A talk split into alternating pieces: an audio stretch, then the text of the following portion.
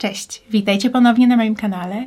Dzisiejszy film oczywiście będzie kolejnym z serii zagadek kryminalnych i tym razem przygotowałam dla Was niesamowitą sprawę, która napawa jednocześnie grozą i nadzieją. Wielokrotnie już wspominałam, że jednym z moich ulubionych typów spraw są te, które mimo tragicznych okoliczności kończą się pozytywnie. A sponsorem dzisiejszego odcinka jest BookBeat, aplikacja, o której wspominałam już wielokrotnie i dzięki której zawsze i wszędzie można słuchać audiobooków i czytać e-booki. Ostatnio, jeszcze bardziej niż do tej pory, wkręciłam się właśnie w słuchanie audiobooków i zdecydowanie jest to idealne rozwiązanie dla osób, które mają za mało czasu na czytanie tradycyjnych książek. W przypadku audiobooków można przyswajać ciekawe treści przy okazji wykonywania codziennych czynności, np. podczas sprzątania, uprawiania sportu oraz w czasie podróży. Nie trzeba zabierać ze sobą na wycieczki książek ani czytników. Wszystko ma się w aplikacji na telefonie, a także mogą być dobrą alternatywą dla radia podczas prowadzenia samochodu. BookBeat daje możliwość słuchania zarówno online, jak i offline. Założenie konta jest równie proste jak korzystanie z aplikacji. Wystarczy zarejestrować się na stronie, korzystając z linka w opisie, pobrać aplikację na telefon i gotowe. Jeśli nigdy wcześniej nie korzystaliście z audiobooków i nie jesteście jeszcze do końca przekonani, to teraz możecie wypróbować aplikację przez 30 dni za darmo z moim kodem zagadki. W każdej chwili można też oczywiście zrezygnować z subskrypcji. I niezależnie od tego, jaki gatunek literacki najbardziej lubicie, to z pewnością znajdziecie tam coś dla siebie.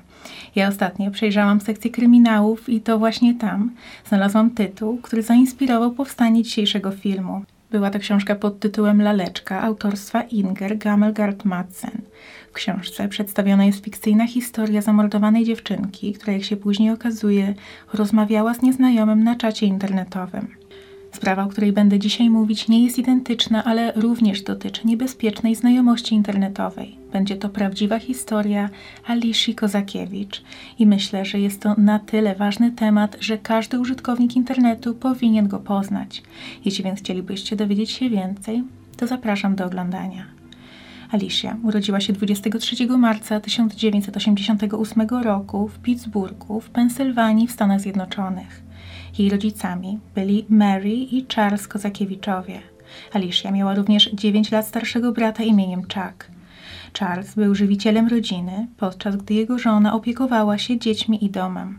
Cała czwórka tworzyła szczęśliwą rodzinę. Z relacji znajomych wynika, że Alicia i Chuck mieli typowe, beztroskie dzieciństwo. Nigdy też nie sprawiali problemów wychowawczych. Dziewczynka lubiła szkołę, zabawy z rówieśnikami i filmy Disneya. Marzyła o życiu jak z bajki i bardzo często bawiła się udając, że jest księżniczką i śpiewała do drzew i zwierząt w parkach.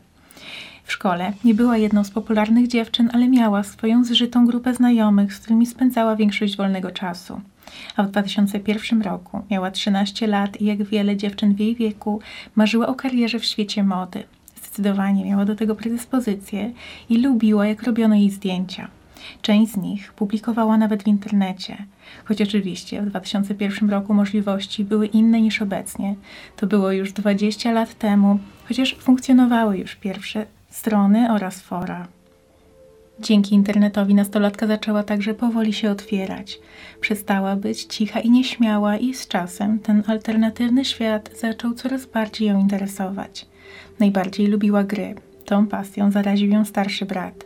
Dla trzynastolatki niesamowite było to, że może nie wychodząc z domu grać przeciwko osobom z całego świata i do tego rozmawiać z nimi na czatach.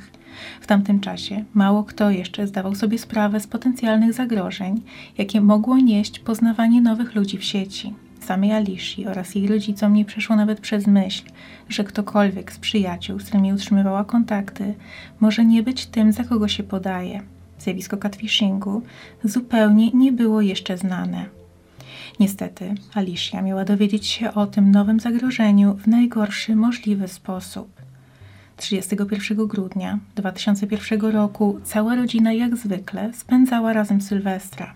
Planowali zjeść kolację i czekać na rozpoczęcie nowego roku. Jednak podczas posiłku Alicia źle się poczuła i poszła do swojego pokoju położyć się i odpocząć. Gdy kilkanaście minut później Mary zauważyła, że drzwi frontowe do domu są otwarte na oścież, zaniepokoiła się.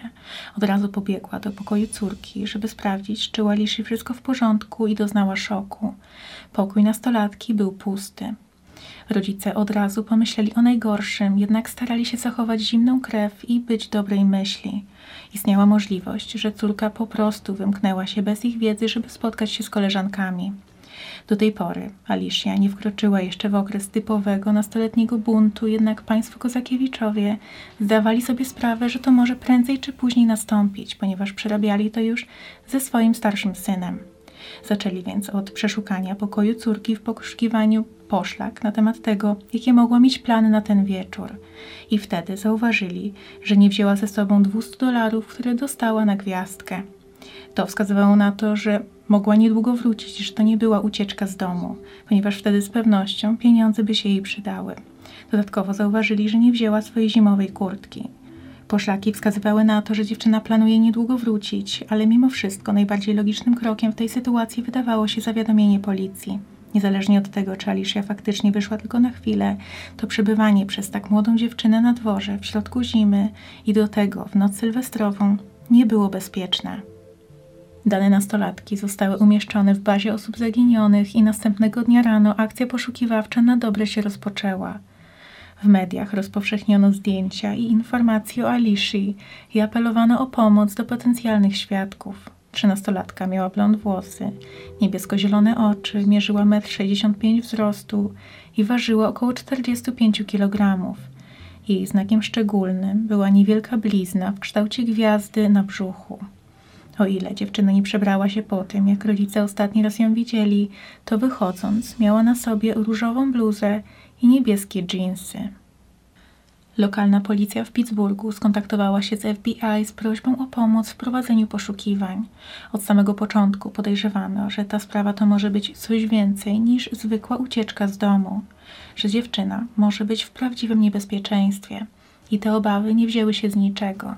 Alicia była piękna, zdecydowanie zwracała na siebie uwagę i do tego była w wieku, w którym osoby są bardzo podatne na wpływy oraz często są obierane jako cele przez różnych sprawców.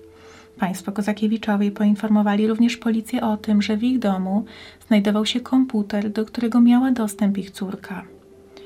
Wiadomo było, że sprzęt stał w salonie i że rodzice starali się kontrolować aktywność trzynastolatki, jednak były takie momenty, kiedy Alicia mogła robić co tylko chciała, chociażby w nocy.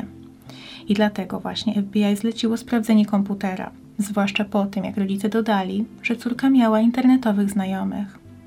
W tym czasie także policja i agenci sprawdzali inne poszlaki, przesłuchując znajomych i bliskich zaginionych, jednak nikt nie był w stanie dostarczyć pomocnych informacji. Przełom w tej sprawie nastąpił 4 stycznia 2002 roku. Wtedy z posterunkiem policji skontaktował się mężczyzna dysponujący szokującymi informacjami. Twierdził, że od kilku miesięcy rozmawiał na czacie Yahoo Chatroom z kimś posługującym się imieniem Scott, który podzielił się z nim swoim niepokojącym planem i fantazjami. Powiedział, że wybrał idealną trzynastolatkę, którą chce porwać i trzymać w domu jako niewolnicę. Rozmówca sądził, że to żarty, jednak 1 stycznia Scott, który mieszkał w stanie Virginia, poinformował go, że specjalnie pojechał do Pensylwanii i wrócił z ofiarą. Na dowód rozesłał w internecie link do transmisji na żywo, na której można było zobaczyć, jak znęca się nad młodą dziewczyną. Mężczyzna, który ostatecznie skontaktował się z policją kilka dni po obejrzeniu tej transmisji, rozpoznał na plakatach zaginioną Aliszę Kozakiewicz. Na posterunek zadzwonił jednak z budki telefonicznej i było oczywiste, że bardzo zależy mu na anonimowości, ponieważ obawia się oskarżenia o współudział w przestępstwie. Nie był w stanie podać prawdziwej tożsamości Scotta, jedynie jego imię, które równie dobrze mogło być fałszywe, oraz jego nazwę użytkownika z czatu, ale na szczęście to wystarczyło policji do namierzenia adresu IP. Ten adres doprowadził do posiadłości w miejscowości Herdon w stanie Virginia w hrabstwie Fairfax, której właścicielem był 38-letni Scott Tyree. Imię mężczyzny się zgadzało, co tylko utwierdziło śledczych w przekonaniu, że trafili na trop właściwej osoby. Herndon był oddalony od Pittsburgha o 370 km, czyli prawie 4 godziny jazdy, ale przez to, że anonimowy informator wspomniał o wizycie porywacza właśnie w Pensylwanii, to wszystko układało się w logiczną całość. 4 stycznia śledczy zapukali do drzwi posiadłości i nie otrzymali żadnej odpowiedzi. Wydawało się, że nikogo nie ma w środku. Mając jednak uzasadnione podejrzenia, postanowili nie dawać za wygraną i wyważyli drzwi. Po wejściu do środka wszystko wydawało się być w jak najlepszym porządku. Zaczęli więc sprawdzać po kolei wszystkie pomieszczenia, a następnie piwnice i nic nie znaleziono. Nie było także nic, co wskazywałoby na obecność nastolatki i obawiano się, że trop mógł być fałszywy. O 16.10 sprawdzono już wszystkie pokoje i nic nie znaleziono. Zanim jednak opuszczono posiadłość, jeden z agentów postanowił jeszcze raz dla pewności sprawdzić pokoje na parterze i w pewnym momencie pod łóżkiem zauważył ruch. Było oczywiste, że ktoś się tam chowa. Nie było jednak pewne, czy była to poszukiwana nastolatka, czy może niebezpieczny napastnik. Funkcjonariusze, celując więc w to miejsce, nakazali tej osobie się ujawnić. I w pewnym momencie z podłóżka zaczęła wychodzić filigranowa dziewczyna. Była to trzynastoletnia Alicia. Była przerażona, ale już po chwili zrozumiała, że została uratowana. Zabrano ją do szpitala, gdzie mogła wreszcie spotkać się z rodzicami. Tymczasem policja nie miała zamiaru czekać, aż Scott Terry wróci z pracy. Pojechali po niego do oddziału CA Technologies, amerykańskiej firmy zajmującej się oprogramowaniami komputerowymi, w której pracował i już pół godziny po znalezieniu Alicji Scott został aresztowany. Sprawa od początku była bardzo medialna. Cała okolica żyła poszukiwaniami nastolatki i gdy w końcu rozeszły się wieści o jej szczęśliwym odnalezieniu, to historia zyskała ogólnokrajowy rozgłos. Cała lokalna społeczność zebrała się, żeby hucznie powitać Alicję, wracającą do domu z rodzicami. Okazało się, że dziewczyna poznała chłopaka imieniem Scott na Yahoo Chatroom na początku 2001 roku. Scott twierdził, że jest w tym samym wieku co ona i od samego początku świetnie im się rozmawiało. Mieli bardzo dużo wspólnego i dzielili się ze sobą swoimi problemami.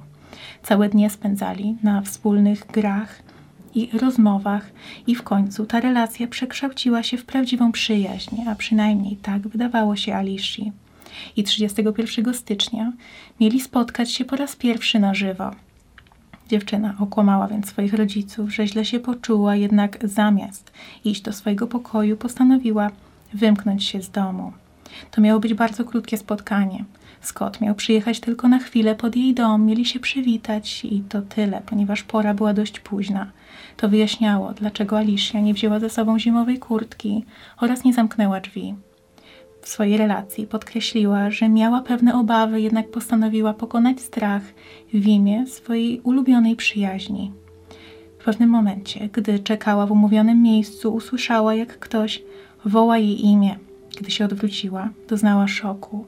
To nie był chłopak w jej wieku, tylko dorosły mężczyzna. Zanim jednak zdążyła zareagować, ten chwycił ją za rękę tak mocno, że zamarła. Powiedział, że jeśli będzie krzyczeć, to włoży ją do bagażnika samochodu. Przerażona nastolatka postanowiła wypełnić polecenia i wsiadła do pojazdu napastnika. Gdy odjeżdżali, próbowała zapamiętywać drogę, jednak w końcu wyjechali poza miasto i znaleźli się na autostradzie. Miała nadzieję, że zostanie uratowana przez pracownika pobierającego opłaty na autostradzie, ale niestety ten nie zwrócił uwagi na płaczącą nastolatkę. W końcu, po kilku godzinach jazdy, zatrzymali się pod domem porywacza i Alicia została wciągnięta do środka. Mężczyzna zaprowadził ją do pokoju zamykanego na kłódkę, ale zanim wyszedł, wykorzystał ją seksualnie. Koszmar trwał przez kolejne cztery dni, a dziewczyna nie miała wystarczająco siły, żeby walczyć z oprawcą. Raz, gdy próbowała, złamał jej nos. Gdy wychodził, zostawiał ją samą w pokoju, z obrożą na szyi i przywiązaną do łóżka. Trudno nawet wyobrazić mi sobie, jakie przerażenie i bezsilność musiała wtedy czuć znajdując się w sytuacji bez drogi ucieczki. Przedstawiałam już tutaj na kanale kilka innych historii porwań nastoletnich dziewczyn i za każdym razem nie mogę wyjść z podziwu, jaką ogromną odwagą i trzeźwością umysłu wszystkie się wykazały. Elizabeth Shoaf, Lisa McVeigh czy Elizabeth Smart wszystkie podjęły próby przechytrzenia swoich porywaczy, mimo ogromnego ryzyka, jakie się z tym wiązało.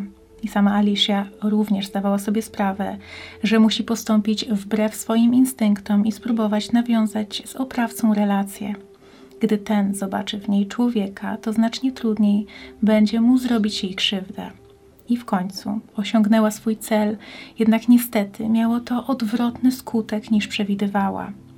Rano 4 stycznia 2002 roku, przed wyjściem do pracy, Scott poinformował ją, że zaczyna za bardzo ją lubić i że gdy tego dnia wróci z pracy, to pojadą na przejażdżkę. Następnie wyszedł, zostawiając trzynastolatkę sam na sam z jej myślami, które przechodziły przez wszystkie najczarniejsze scenariusze. Na szczęście jednak, tak jak już wiecie, nastąpił cud. Dokładnie w dniu, który miał być jej ostatnim, dziewczyna została uratowana. Początkowo, gdy usłyszała, że agenci FBI wchodzą do domu, myślała, że to jest okrutny test zorganizowany przez porywacza. Schowała się więc pod łóżkiem, ponieważ obawiała się, że jeśli zwróci na siebie uwagę lub zostanie odnaleziona, to kara będzie dotkliwa. Na szczęście jednak ona została uratowana, a jej oprawca schwytany. Okazało się, że Tyree miał w przeszłości problemy z prawem, ale nie były to poważne zarzuty. Przez znajomych był określany jako typowy informatyk. Rzadko wychodził z domu, spędzał całe dnie przed ekranem komputera, miał długie włosy i nadwagę. Nie miał także szczęścia w miłości. Był dwukrotnie żonaty, ale oba związki zakończyły się rozwodem. Co ciekawe, żadna z byłych partnerek nie wspominała o jakichkolwiek cechach lub zachowaniach, które mogłyby wskazywać na sadystyczne skłonności. Miał też dwunastoletnią córkę z pierwszego małżeństwa i to sprawia, że cała sprawa jest jeszcze bardziej szokująca.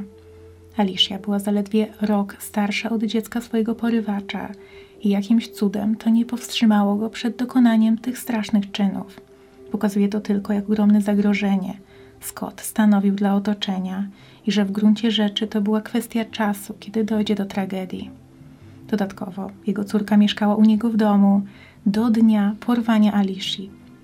Teraz za to, co zrobił, groziło mu 65 lat więzienia. W marcu 2003 roku przyznał się do zarzucanych mu czynów i został skazany na 19 lat i 7 miesięcy pozbawienia wolności. W wyniku traum Alicia musiała pozostawać pod stałą opieką psychologa, miała zespół stresu pourazowego oraz zaniki pamięci. Dodatkowo, w trakcie trwania procesu musiała wielokrotnie wracać do swojego koszmaru, a nawet oglądać nagrania, które wykonał porywacz, żeby potwierdzić, że to ona jest na nich przedstawiona. Z drugiej strony także musiała zmagać się z opiniami mediów oraz osób obwiniających ją za to, co ją spotkało. Mimo, że było oczywiste, że był to przypadek dorosłego mężczyzny, który manipulował podatną na wpływy dziewczyną, to jednak znalazły się osoby, które albo bagatelizowały to, co ją spotkało, mówiąc, że przecież trwało to tylko cztery dni, albo mówiące, że to jej wina, ponieważ zawarła internetową znajomość. Okrucieństwo ludzi czasem naprawdę nie zna granic, ale jednak Alishi udało się z tym wszystkim poradzić. Wykazała się niesamowitą odwagą.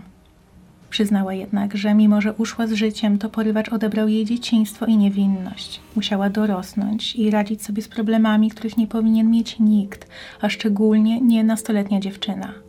Mimo wszystko, w wieku zaledwie 14 lat założyła The Alicia Project, inicjatywę nastawioną na zwiększenie świadomości na temat zagrożeń online.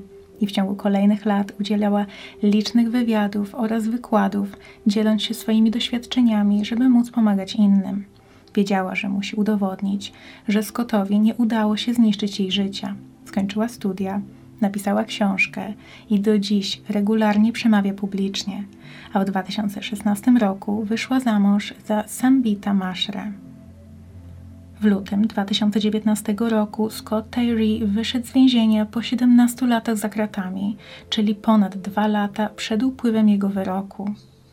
Mężczyzna miał kolejne trzy lata spędzić pod nadzorem kuratora i miał nałożone wiele ograniczeń, głównie związanych z internetową działalnością i treściami dotyczącymi nieletnich.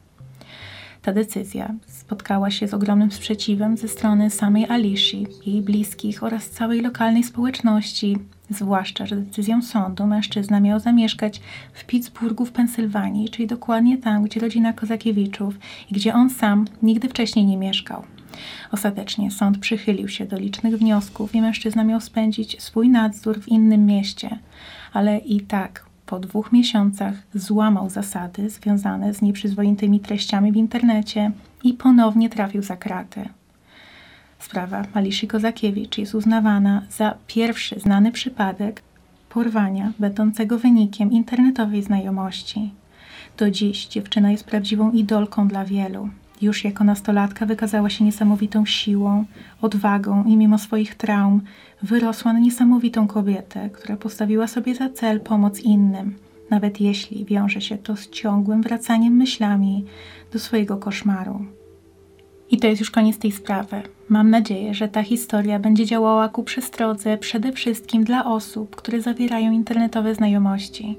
Mogą one być naprawdę cudowne, jednak przed spotkaniami w prawdziwym życiu trzeba być absolutnie pewnym, że osoba, z którą rozmawiamy, faktycznie jest tym, za kogo się podaje.